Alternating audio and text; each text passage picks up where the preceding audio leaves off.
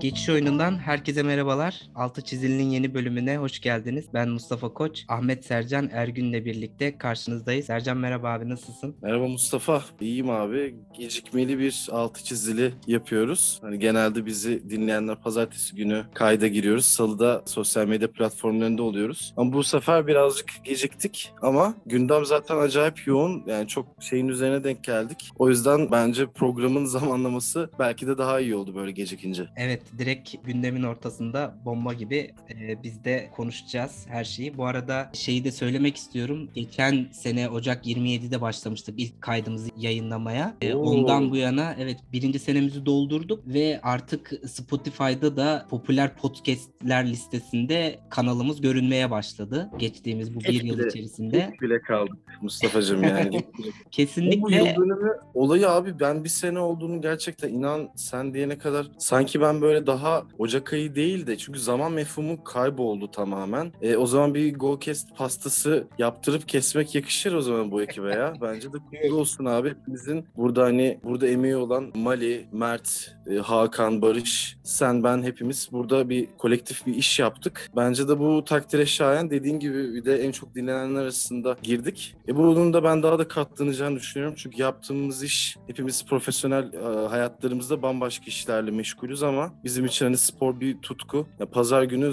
işte hepimiz tenis maçında 5 saat televizyon karşısına geçip bir yandan sosyal medyadan hem tweetlerimizi atıp hem sohbetimizi yaptık. Hani biz de bu yola çıkarken hem kendimiz e, eğlenmek istiyorduk hem de dişe dokunur bir şeyler yapmak istiyorduk. Bir yılda baktığımda ben de yani gerçekten iyi ki bu işe başlamışız. Nice seneler o zaman Golcast'te. Aynı şekilde ben de aynı dilekleri paylaşıyorum seninle ki buradaki amacımız birlikte bir araya gelip ahkam kesmek değil. Her zaman keyif aldığımız, birlikte yaptığımız sohbeti paylaşmak sadece. Elimizden geldiğince bunu yapmaya çalışıyoruz ve ben cidden çok büyük keyif alıyorum. Burada haftalık bir araya gelip bu sohbetleri yapıyor olmak. Çünkü hepimiz bir şekilde bir- birbirimize fikirlerimizi anlatıp bundan keyif alan insanlarız. Bunu paylaşmak da ayrı bir keyif ve yavaş yavaş bir şekilde karşılığını görüyor olmak da sevindirici aynı şekilde. Kesinlikle abi. Şimdi bahsettik ufaktan muhabbete başlayalım. Bomba gibi bir gündem var diye. Çok uzun süredir, gerçi uzun süredir demeyelim. Geçtiğimiz sezon devre arasında da bir transfer çalımı hikayesi yaşanmıştı. Neredeyse, gerçi Galatasaray son dakikada kaybetti şampiyonluğu ama sportif bir başarı elde edemeyen takımların transferler aracılığıyla şov yapma hikayesi biliyorsun sık yaşanan bir şey ülkemizde. Bunlardan Son bir tane... yılların atasporu abi. Bizim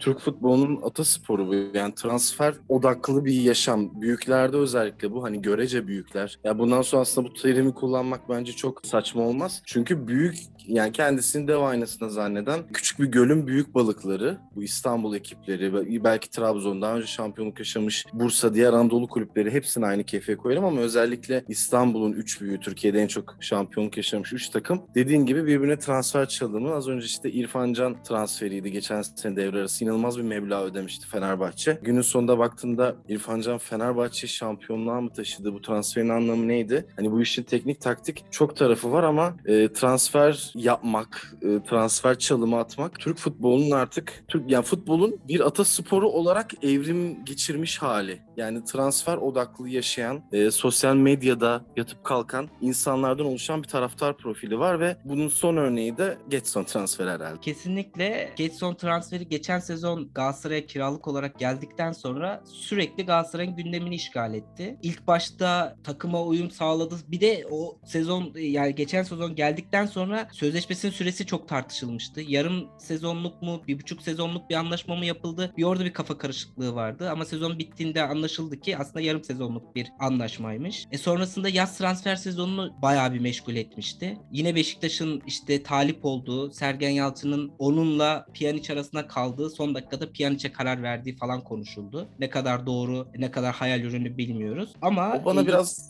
spekülasyon gibi geldi Mustafa bana ya. da hani geliyor. kiralık oyuncuyu kimse tercih etmez. Yani bonservisiyle gelip Portekiz milli takım havuzunda bulunan 22-23 yaşında bir ve hani ligde kısa sürede olsa kalitesini öyle veya böyle göstermiş bir oyuncu mu kiralık olarak geçici bir çözüm çözüm. Yani kadroda bir sene değerlendirip takımına geri göndereceğim bir oyuncu mu? Yani ben o konunun biraz spekülasyon olduğunu düşünüyorum. Sen de benimle sanırım aynı fikirdesin. Ben de aynı fikirdeyim. E sonrasında yani Galatasaray sürekli zaten talip olduğuna ve istediğine dair haberleri sürekli duyuyorduk. Bu devre arasında özellikle Galatasaray'ın orta sahada yaşadığı sıkıntılardan dolayı tekrar bir gündeme geldi. Hani 6 numaradaki sıkıntıyı geçen hafta ben de özellikle Galatasaray'ın kadro yap teknik direktör sorunundan ziyade önemli olan bir de kadro yapısıyla alakalı sorun olduğunu konuşmuştuk. Ben de söylemiştim. E, oradaki özellikle 6 numaradaki sorun için hani belki transferi düşünülüyordu. 6 ya da öndeki bir 8 numara için. Ama 6 numaraya Galatasaray bir transfer yaptı. Üstüne Gesson'un da olma ihtimali e, ya da girişimler olduğu üzerine haberler duyuyorken birden Beşiktaş'ın devreye girdiği ve transferi bitirdiği haberlerini duyduk. Dün akşam sanki bu sosyal medya haberiymiş gibiydi. Gündem değiştirme haberiymiş gibiydi ama bu sabah bir baktık ki aslında iş ciddiymiş. Daha sonra işin ilginci bir de e, bu sezonu kiralık olarak Rize Spor'da tamamlayacağı ve önümüzdeki sezondan itibaren Beşiktaş'ta devam edeceği haberi bomba gibi düştü. Orada da Galatasaray'la Rize, Rize'nin yaşadığı e, Oğulcan transferinden kaynaklanan bazı sıkıntılar falan var. Onunla alakalı bambaşka bir bomba düştü falan derken işler Bazı sıkıntılar aslında bayağı iki kulübün kanlı bıçaklı olması. Ki ben bir Galatasaray taraftarı olarak ya bu konuda hislerimi burada çok açık bir net bir şekilde belirtmek istemiyorum. Hani o yani sadece sportif olaydan da bağımsız olarak. Çünkü bambaşka bir noktaya gitti. Galatasaray Fenerbahçe arasındaki rekabetin işte zaman zaman taraftarlar ya da işte oyuncular düzeyinde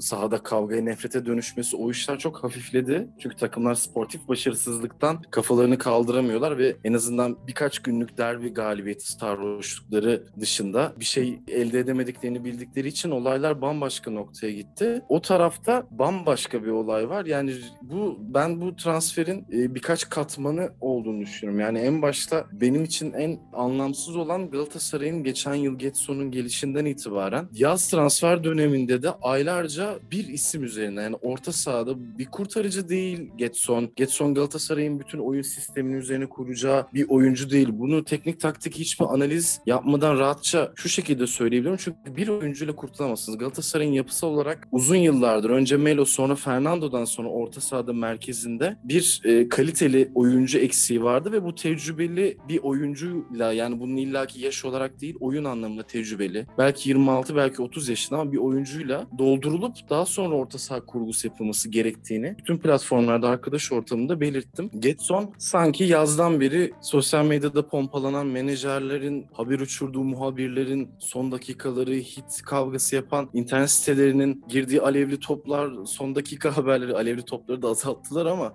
e, üzerinden ilerledi. Ya alevli topta bir azalma var ya Mustafa bu arada onu söyle böyle dipnot belirteyim. Ya spor Ama- medyamız farklı clickbait'lere gidiyor. Alevli top azaldı ama bu kadim geleneğin ben yine de önümüzdeki transfer dönemlerinde e, geri geleceğini düşünüyorum. Ya tam velhasıl alevli top günü değil miydi ama bugün? Üstte her Abi yerden bir bugün- alevli top. Bugün Don't Look Up'taki gibi meteor çarptı bence Galatasaray'a. Yani Galatasaray yönetiminin acziyetidir bu transferdeki olay. Oyuncu alınamayabilir, rakibin alabilir, ezeli rakibin oyuncuyu alabilir, senden daha düşük bedelle alabilir. Ama oyuncunun transfer süreci yani Ge- Getson'un ilk Galatasaray'ın gündemine nasıl geldiğini çok merak ediyorum. Sonrasında takıma gelmesi, katılması. Sen az önce bahsettiğin gibi bir oyuncunun bir takımda bir yıl mı yoksa yar, bir buçuk yıl mı yoksa yarım sezon mu oynayacağı bile muamma. Bu bile şeffaf bir süreç değil. Ardından oyuncu gidiyor. İşte pandemi dönemiydi geldi. Takıma hazırlanana kadar birkaç hafta geçti. Öyle böyle sezon bitti. Yaz transfer dönemi geçti. Sen kendi takımında forma giyemedi.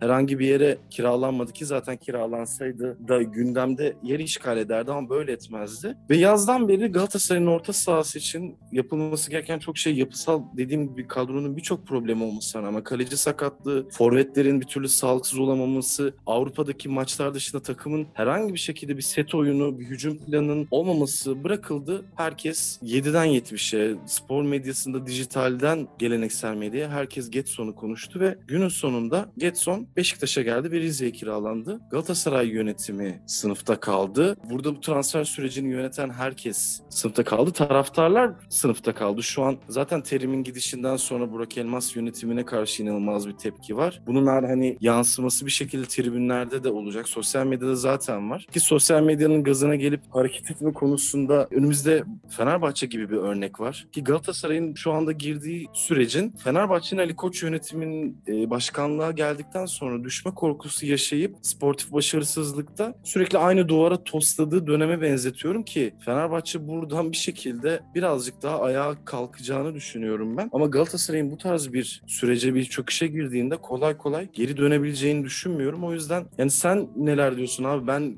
çünkü konuşacak çok fazla şey var ama bir oyuncu yani bir Getson Galatasaray'dan büyük değil ya da Getson Galatasaray'ın bütün dertlerini çözecek oyuncu değildi. Beşiktaş sen Beşiktaş taraftarı olarak alınıp Rize'ye kiralam ya ben ben zaten orada dumura uğradım. Hani Freddy Adu geldi Rize'ye ki en son Freddy Adu işte Rize'den Finlandiya Ligi'ne gitti. Takip ettim çünkü onunla ilgili ben bir yazı yazmıştım daha önce bir dijital mecrada. Finlandiya Ligi'nde iki maça çıktı. Üçüncüde yedek kaldı. Dördüncüde 18'e giremedi. En son Amerika'da MLS'in alt liginde oynayıp işte e, süpürge tanıtımı falan yapıyordu. Öyle bir kariyerdi ki Freddy Adu yıldız bir oyuncu sayılabilecek bir isimdi. Rize'ye yol düşmesi çok şaşırtıcıydı. Ama buradaki olay bambaşka. Kariyerinin çok daha başında dediğim gibi Portekiz milli takım omuzunda olan Portekiz'in en köklü kulüplerinden birinin altyapısından çıkmış bir isim. Şu an Rize'de ligin ikinci yarısında Hamza Hamzoğlu idaresinde ben merak ediyorum ne olacak. Bir Beşiktaş taraftar olarak sen ne düşünüyorsun? Yani takımına genç bir potansiyelli orta saha oyuncusu e, ev kur taksitleriyle katıldı abimiz gibi.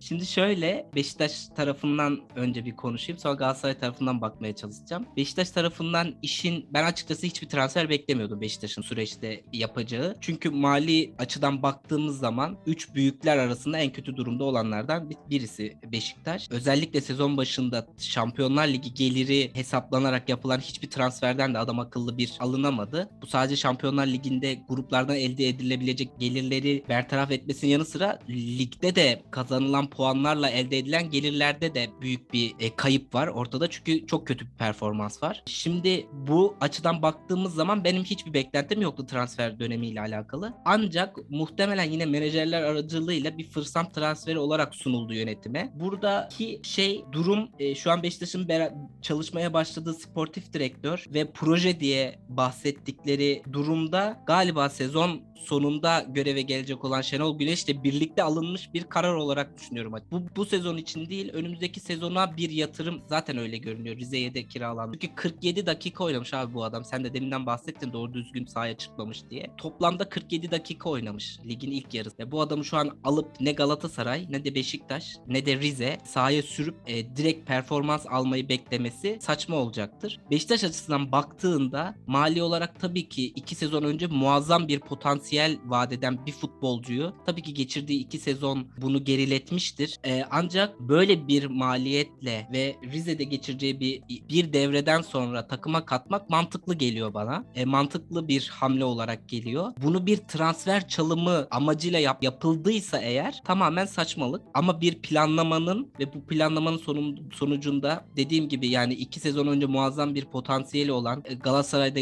Süper Lig'de geçirdiği dönemi de katarsak gelecek adına iyi şeyler vaat eden bir oyuncuyu kadroya katmak tabii ki sevindirici. Şöyle de bir sevindirici yanı var. Orta sahada Beşiktaş'ın ciddi bir erozyon var bence. Bu erozyonu giderme ve orada farklı bir yapıya geçme açısından faydalı olacağını düşünüyorum. Önümüzdeki sezonda itibaren. Ki Rize'de de bunu yakından izleme fırsatımız olacak. Beşiktaş açısından böyle görüyorum. Galatasaray açısından da şimdi Galatasaray'ın çok ciddi kritik bir durumu var ortada. Yani sürekli bahsediyoruz işte düşme hattının 3 puan üstünde ve bir türlü o galip gelebilir bilme eşiğini aşabilmiş durumda değil. Ne yaparsa yapsın. Torrent geldikten sonra da oyunda ufak tefek değişiklikler olduğunu da gördük ancak yine de sonuç bir türlü alınamadı. En son hazırlık maçında da ciddi bir e, bir moral bozukluğu daha oldu. Hani orada öyle maçlarda bir kazanma alışkanlığı edinmek, işte bir moral bulmak için oynanır genelde. Bir taraftan da Buradan 6 yedik Mustafa rahat rahat söyle abi. Yani hazırlık maçı kalecimiz Vertigo falan olmuş. Takıma muhtemelen o Kadıköy'de büyü yapan kadından sonra bir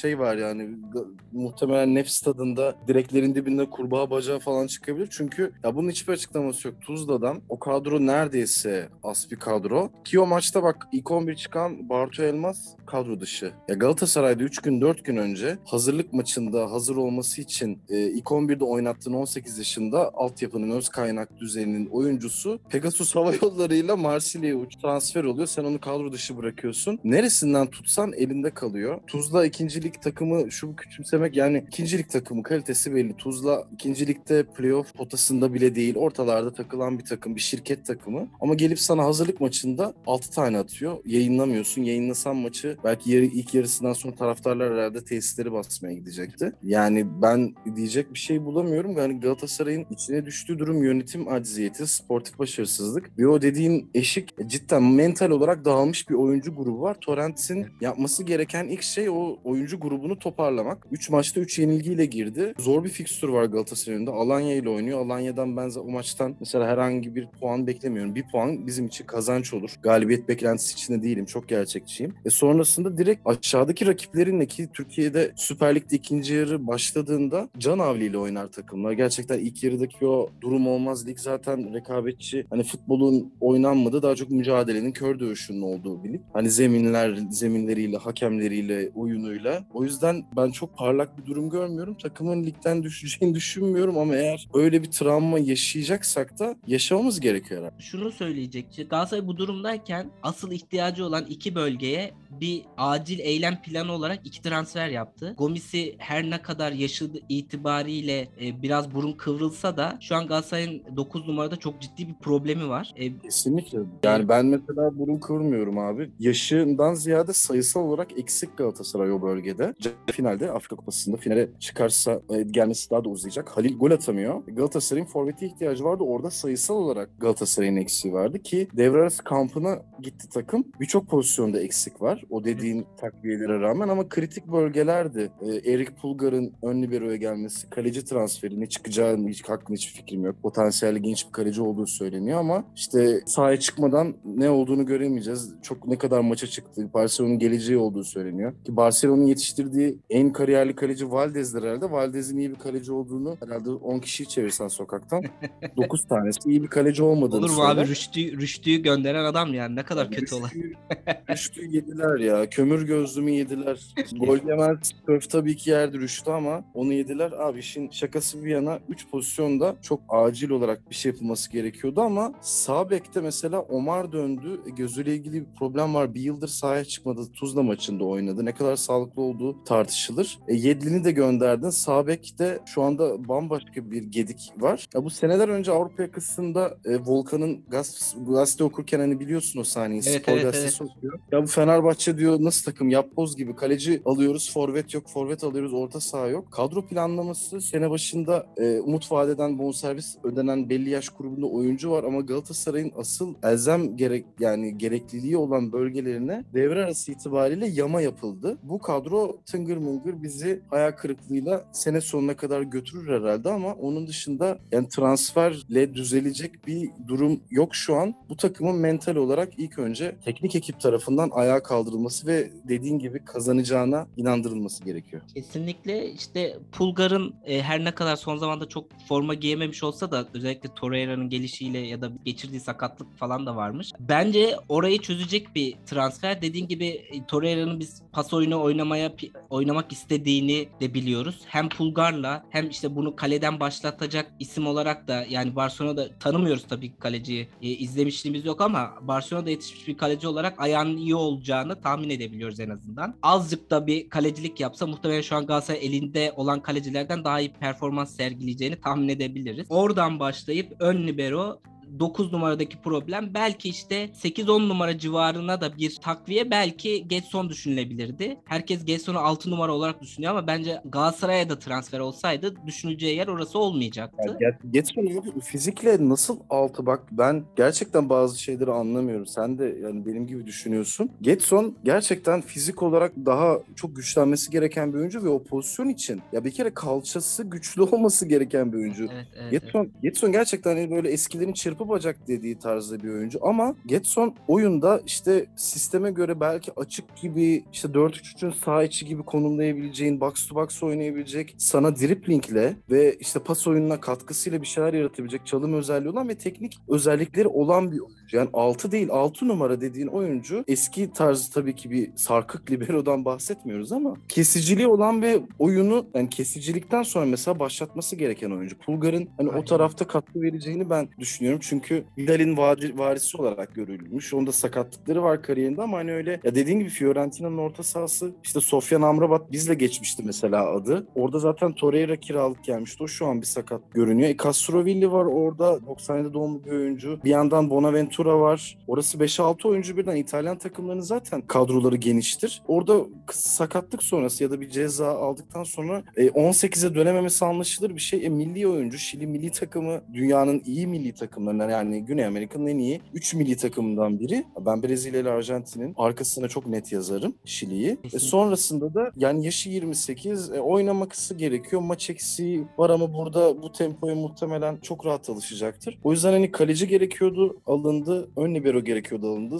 Forvet gerekiyordu. Yani devre arası çok daha farklı çözümler de bulunabilir. Premier Lig'den oyuncu kiralanabilirdi. Orada da çok şişkin kadrosu olan takımlar var. Forma şansı bulamamış isimler var ama Gomis oynayarak da geliyor. Oynadığı ligin seviyesi ve tabii ki yaşı ile alakalı birçok şey tartışılabilir. Ama bunlar bence isabetli hamleler ama yine de bence hala Galatasaray'ın orta sahasına Tayland'la Berkan bu kadar dökülürken Roman oyuncuları düşüşteyken dokun bir şeyler yapması gerekiyor oraya bir ekleme ve Galatasaray'ın acilen stopere de ihtiyacı. Evet şey de diyeceğim Tayland'la Berkan'a hazır sen söylemişken e, çok kısa bir süre geçirecekler birlikte ama bence o ikisine de katkısı olacağını düşünüyorum. Birazcık da olsa beraber onunla vakit geçiriyor olmaları onların da oyununa katkı sağlayacaktır bence. E, zaten o ikisinin seviye olarak bir tık daha yukarı çıkmaları Galatasaray'ın orta sahasında çoğu problemi çözecek aslında ama maalesef Tayland da Berkan da de her, her ne kadar iyi oyuncular olsa da Galatasaray'ı seviye atlatacak sev- durumda değiller şu anda. Kesinlikle Ee, değiller ve bence yetersiz oyuncular Mustafa. Şu açıdan ben şunu görüyorum. Yani Galatasaray'da oynayan bir orta saha oyuncusu kaleciden ya da savunmasından topu aldıktan sonra ekseni etrafında birkaç saniye içinde dönüp pas verecek adam arıyorsa oranın oyuncusu değildir. Yani ben gerçekten basit bakmaya çalışıyorum. Selçuk mesela ağır yani ağır bir oyuncuydu aslında. Kariyerinin en iyi zamanlarında bile ki yaşı ilerledikten sonra 33 yaşı 32-33 yaşında fizik olarak düşüp oyunun ne hale geldiğini gördük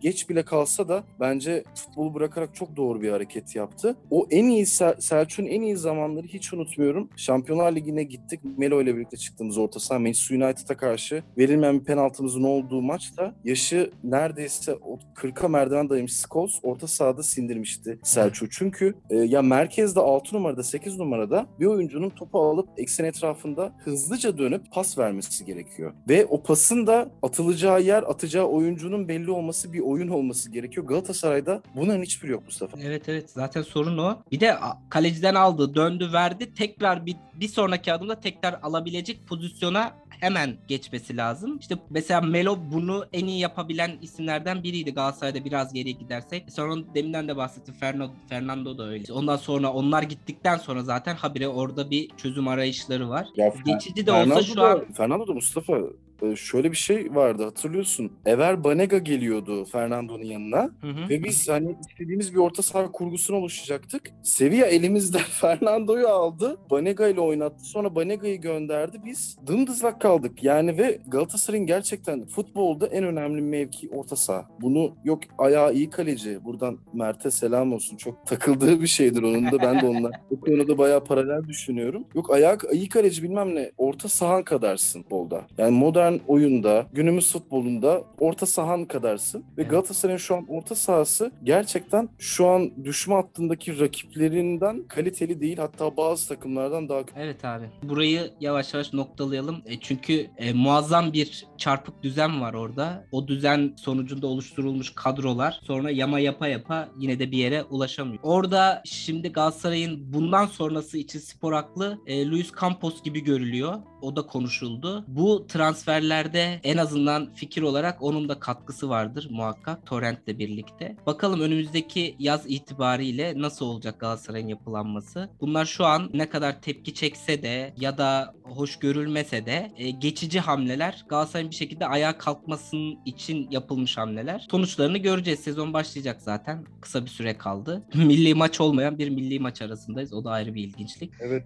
bu herhalde yani e, yap- futbol futbola karşı yapılmış bir komplo ya. Yani gün, tabii ki işin şeyi bir yana e, Güney yani Güney Amerika ve Asya'da elemeler var. E, o yüzden hani bir ara verildi ama bu aranın ya zaten İngiltere'de ne olduğunu ben anlamadım. Bir Premier Lig'de Ocak ayında bir tane maça çıktılar herhalde. Yani takımlar onun için bir tonda transfer yapıldı. Ya ne zaman ne zaman döneceğiz futbola ben gerçekten sıkıldım. Yani şu milli maç arası ufak ufak bitiyor ki daha Premier Lig hani daha salı günü ya ayın 8'inde hafta başlayacak. Hala bir şeyler oynanıyor. Gerçekten sıkıldım ya. Aynen abi. Biz de hazır bu transfer çalımıyla ilgili konuşurken birkaç eskiden hatırladığımız bizi güldürecek transfer çalımları neler vardı? Onları da bir konuşalım dedi. Senin aklına ilk kimler geliyor abi? Hangi çalımlar geliyor? Benim aklıma garip bir şekilde Revivo geliyor. Ya Re- Revivo'nun Galatasaray'a geldikten sonra yani Türkiye Ligi'nde iz bırakmış iki tane İsrailli oyuncu var herhalde. Bir çırpıda akla gelen. Biri Balili'dir. Hı hı. E, diğeri de Revivo. Ya Revivo'nun geldikten sonra bir Samsun maçıydı galiba. İşte free kick'ten olmak üzere bir tanesi 3 golü vardı. Çok heyecan Tabii verici. tabii Yani ilk maçında hat-trick yapmıştı direkt. Evet, sonra da hiçbir şey yapmadı zaten. Öyle bitti Galatasaray kariyeri. Yani tam anlamıyla bir transfer çalımı olarak atfedebilir miyiz? Ona çok emin değilim Mustafa ama çok fazla. Yani zaten yayının başında seninle konuştuğumuz bir geçen seneki İrfan konusu var. Diğer zaten hani senin aklına gelebilecek şeyler. Yani benim garip bir şekilde Revivo geldi. Onun dışında çok e, bir türlü uçaktan inemeyen Galatasaray'ın Gallardo'ları, presleri var biliyorsun. Hani onlar transfer çalımı bile olamamıştı. İşte uçak radarda göründü. Yani bu Fenerbahçe'nin ilk Komoli zamanında da yani uçaklar insanlar oturup uçak tarifeli uçakları falan Ay, takip ediyorlar. abi zaten transfer bir tutku Mustafa. Yani sahaya hiç çıkılmasa sadece transfer yapsa yönetimler. Ki ben mesela transfer işini çok severim ama oyun oynarken yani futbol menajer oynarken ona benzer oyunlarda e, başka mobil oyunlar vardır daha basit. Oralarda transfer yaparsın. Olay, oyunun zaten keyfi odur. Ama gerçek hayatta realde sürekli olarak birbirine işte transfer çalımı yapmak isteyen takımlar, büyük büyük takımlar. Ki zaten bu arada şeyi trans Getson transfer eden Beşiktaş yöneticisi gruba attım görmüşsündür. E, şarkıcı Bengü'nün eşiymiş. Böyle de bir mag- mag- transferin magazinel bir tarafı var. Yani olay e, işte bir süre Gülşen'i konuştuk biliyorsun ülke olarak. Şimdi de işte Belgü'yü konuşuruz. Onun eşinin transfer sihirbazı olması herhalde. Ama Haldun Üstünel değil değil mi abi? Yani o konuda bir şey yok. Haldun Üstünel değil değil mi Be- Belgü'nün eşi? Çünkü e, yönetimde olmaması lazım. Abi senin aklına kim geliyor? İnan ben e, Revivo işte e, İrfan Can çünkü o kadar çok transfer odaklı işlerle ilerledi ki bir oyuncu zaten Türkiye'de hani üç büyüklere yazıldı. iki sene geçti biraz yaşlandıysa Anadolu kulüplerinin sırasıyla yazıldı. Kimi geldi kimi gelmedi. Hani gerçekten biliyorsun bizim kulüplerde transfer bitmez abi. Çalım da bitmez. Ben, be- ilk akla gelen bir Beşiktaşlı olarak benim tabii ki Mehmet Topuz. Adam formayı giymişti yani. Tam 90'lar 80'ler hikayesi gibi o zaman futbolcu kaçırılırdı ya. Yani Aziz Yıldırım'ın nasıl bir hırs yaptıysa gidip kendi cipiyle direkt kendisinin alıp getirdiği bir transfer çalımı bence o. Bayağı Mavi boncuk gibi yemin ediyorum ya. Hatta şeyde yanlış hatırlamıyorsam NTV Spor'da kendi masasının arkasında o Beşiktaş forması asılıydı. Mehmet Topuz yazılı. Ercan Taner'in.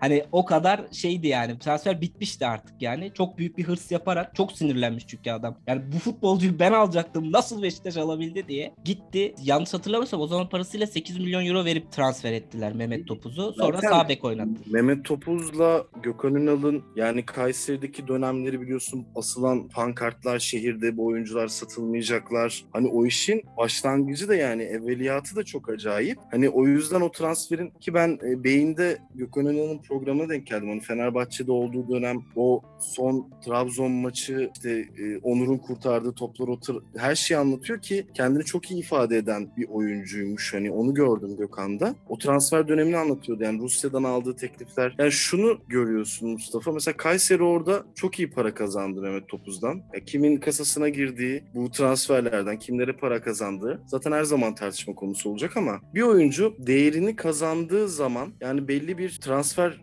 işte teklifi aldığı zaman gö- göndermen gerekiyor. Yani kim olursa olsun. Bunu Galatasaray mesela Badu Endiaye de çok iyi yapmıştı. Hı hı. O yüzden hani bu transfer çalımlarına bir de hani böyle de bakmak lazım. İşin inada bindiği durumlarda da hani biliyorsun o oyunculardan dediğim gibi Mehmet Topuz Beşiktaş forması giydi. Yakın zamanda şimdi geldi aklıma. Galatasaray'da bu Yusuf Erdoğan da o durum. Formayı giydi, gelemedi. Tekrar döndü şimdi Trabzonspor'a. Doğru mu hatırlıyorum? Ben Kasımpaşa'dayken. onu. Ben onu- Kasımpaşa'dayken yani onun da öyle bir durumu oldu. Ben eğer eğer yanlış hatırlamıyorsam. Hani bunlar olduğu için hani çok şaşırtıcı değil ve bu işin inada bindiği durumlarda da bu oyunculardan çok fazla verim alınamadığını gördük. Hani bu Getson üzerinde demiyorum ama hani buna benzer çok örnek var Türkiye Ligi'nde. Bunun hani bu bir tabii ki bu bir kural değil ya da bu değişmeyecek bir şey değil. Böyle olmak zorunda değil. Ama genel olarak ya takımlar bu üzerine çok fazla konuşulan, takımların rekabet ettiği isimlerden bir şekilde hayır göremediler ama sonrasında hani ne olur bilemiyorum. Benim bir de aklıma şey geliyor. Ersan Gülüm. Ersan Adana'dandı galiba. Değil mi? Adana'dan Evet. Beşiktaş'ta kiralık evet. bir dönem geçirdi. Bayağı da iyi bir dönem geçirdi. Oynadı o dönem. Sonra o yaz Adana'ya geri döndü ama Beşiktaş bonservisini almak için çabalarken Galatasaray dev- devreye girdi. Sonra Ersan rest çekti. Ben Beşiktaş'a e, gitmek istiyorum diye. Bayağı bir uzun sürmüştü o süreç. Ve şey hatta Diren efsane ol Ersan falan diye böyle bayağı bir sosyal medyada kampanya falan yapılmıştı. Sonra sonunda Beşiktaş'a gelmişti Ersan. Bir de onu hatırlıyorum yakın dönemden. Var tabii senin dediğin gibi böyle bir sürü işte ne bileyim Alper Potuk falan filan hikayeleri de var. Gal- Galatasaray'da devreye girdi, Fenerbahçe aldı falan. Alper'in de kariyerini hani şu an görüyorsun. Rize'de Alper, Ankara gücüne gitti. İşte düş geçen sene Ankara gücü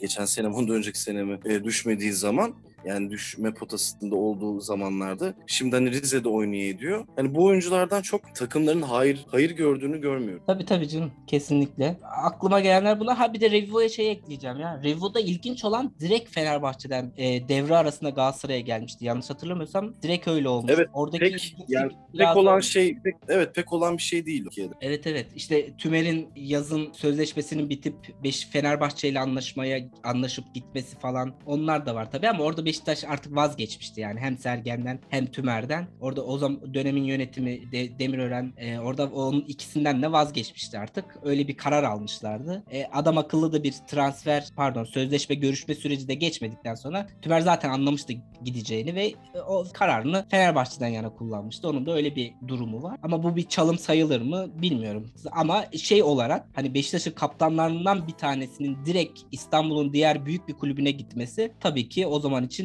büyük bir yankı uyandı. Ya Hatırladık ama. Fenerbahçe'nin işte Gökhan'la Caner'i aynı anda bırakması, ikisinin Fenerbahçe'ye gitmesi, Fenerbahçe'de Beşiktaş. e, Beşiktaş'a gitmesi, Beşiktaş'tan sonra tekrar hani Fenerbahçe'ye dönmesi başarısız bir yılın ardından Anadolu yolcusu olması mesela. Bu da aslında benzer transfer çalımı olmasa da hani iki taraf bu dediğin gibi İstanbul ekipleri arasındaki e, transferlere örnek. Hani daha öncesinde bir ara e, Beşiktaş Fenerbahçe'den çok fazla oyuncu alırdı. Ali Güneş, Mustafa Doğanlı bir dönem vardı biliyorsun. Karanlık bir dönem sizin için. Ya neyse ki o şeyden vazgeçtiniz. E, yani e, baktığın zaman mesela çok tantana çıkan bir oyuncu Anadolu'ya gidip yarım sezon biraz top oynayıp Fenerbahçe'ye geldi Sinan Gümüş. Şu an verilen kontratı bırakmadığı için hiçbir yere gitmiyor ve Fenerbahçe hiçbir yere kiralayamadı mesela Sinan'ı. Ya bu da artık ters çalım mı olur abi? Ne olur yani bunun tıbbi bir ismi de olması gerekiyor herhalde. Çünkü bunun bir açıklaması ya bir de bu tarz şeyler var. Oyuncuların kontratları aldıktan sonra ya Galatasaray e, Tarık Çamdal var abi işte o üzerine bütün milli oyuncular. Ben Tarık Çamdal'ı Flore kapısında o spor medyasında kısa dönemde gidip beklemiştim. 4 sezon oynadı Galatasaray'da. Ne katkı verdi, ne yaptı? Şu an Adana Demir'de oynuyor. Adana Demir'in rotasyon oyuncusu. Üzerine o kadar gümbürtü kopartılan oyuncular. Bir de dediğin gibi hani transfer çalımı sayılır mı? Bazıları. Bir de transfer çalımı bile olamayacak kadar kötü geçmiş oyuncular var. Zaten burada bir liste çıkarsam bir saat daha konuşuruz herhalde. O yüzden göreceğiz yani geç sonu da Rize'de de bir görelim. Sonra da Beşiktaş formasıyla sahaya çıktığında ne verecek? Hani bunların hepsini gördükten sonra herhalde birazcık daha e, kafamız netleşir. Aynen. İşte maalesef ülke sporunda yani daha doğrusu fut, ülke futbolunda elde edilmesi mümkün görünen hiçbir başarı olmadığı ya da olmayacağı için takımları yöneten yöneticiler de yaptıkları tipte saçmalıklarla ya da işte transfer çalımlarıyla ya da işte Tahir Kıran bunun bir intikam olduğunu falan söylemiş. İntikam güzel şey diye bir şeyler paylaşmış falan. Kendilerini bunlarla başarı saymaya çalışıyorlar. Bunlarla böyle başarılı saymaya çalıştıkça da biz bunları yine bir şekilde konuşuyor olacağız sonrasında da. Bu haftalık böylelikle noktalayalım bence podcast'imizi. Bol transfer konuştuğumuz bir kayıt oldu. Ki sen de dedin ya taraftar transferi sever aslında onunla yatıp kalkar. Çünkü transfer demek aslında umut demek bir taraftan da. Atıyorum düşme potasında olan bir takım için de umut demek. Şampiyonluğu oynayan bir takım için de umut demek aslında bir yerde. O yüzden herkes yapılacak bir takviye ile bile de olsa takımının muazzam bir yere geleceğini düşünerek hayaller kuruyor. Bu da işte lanet olsun bu oyunu sevdiğimizi sevdiren şeylerden bir tanesi bir yerde de. Ama transferi mantıklı olanını severiz bir taraftan da. Öyle bakmak lazım çünkü bu ülke çok para harcadı bu işten dolayı ve hiçbir yere de ulaşamadılarca. Var mı abi başka eklemek istediğin? olmayan parayı da harcamaya aslında devam ediyoruz. Yani şu an taksitle de olsa Beşiktaş'ın kasasından çıkacak meblağ tabii ki böyle bir oyuncu için mesela alınabilir bir risk. Galatasaray alsaydı olumlu bakardım. O yüzden Beşiktaş aldığı için de olumlu bakıyorum ama bir yandan gerçekten çok e, az buz bir para değil. Tabii bunu hani belli bir ödeme planına ölmüştür. Planlamıştır bunu Beşiktaş yönetimi. Ama biz olmayan paralarımızı olmayan, ya olmayacak isimleri, olmayacak transfer rüyalarını harcamaya devam edeceğiz. Bizi dinlemeye devam edin. Biz gündem, ülkede gündem bitmez. Yani iki gün sonra sporla alakalı, futbolla alakalı bambaşka bir gündemle e, karşınıza çıkabiliriz. Ki yani devre arası transfer dönemlerini hızlı geçiren takım mesela Trabzon değinemedik bile neredeyse Mustafa. Evet, evet, hani evet. çünkü genç oyuncular var. Orada daha farklı parametreler var. Oyuncular hakkında çok bilgi sahibi değiliz. Çok gençler A takım seviyesinde belki bazılarının da yarım sezonu var. Ama dediğin gibi mesela az önce düşme potasındaki takımı heyecanlandırdı gibi işte şampiyonluk e, hedefleyen 10 puan farklı devreye giren takım taraftarı bile o eksik, bu oyuncu çöp, bu taraf bu işte pozisyona oyuncu lazım, şu kadroyu derinleştirelim, bunu gönderelim, şunu alalım derken o rüyadan hiç uyanmak istemiyorlar. Bu transfer çılgını devam ettikçe bize de konuşacak çok konu çıkar. Kesinlikle. Bu haftalık bu çılgın transfer rüyalarıyla podcast'imizi tamamlıyoruz. Başında da belirttiğimiz gibi bizi tüm podcast mecralarından dinleyebilir, takip edebilirsiniz. Ayrıca YouTube'da da kanalımızı takip edip dinleyebilirsiniz. Desteklerinizi, yorumlarınızı ve sorularınızı da varsa elbet bekliyor olacağız. Bu haftalık bu kadar kadar geçiş oyunundan, altı çiziliden önümüzdeki hafta tekrar görüşmek üzere. Hoşçakalın. Hoşçakalın. Thank you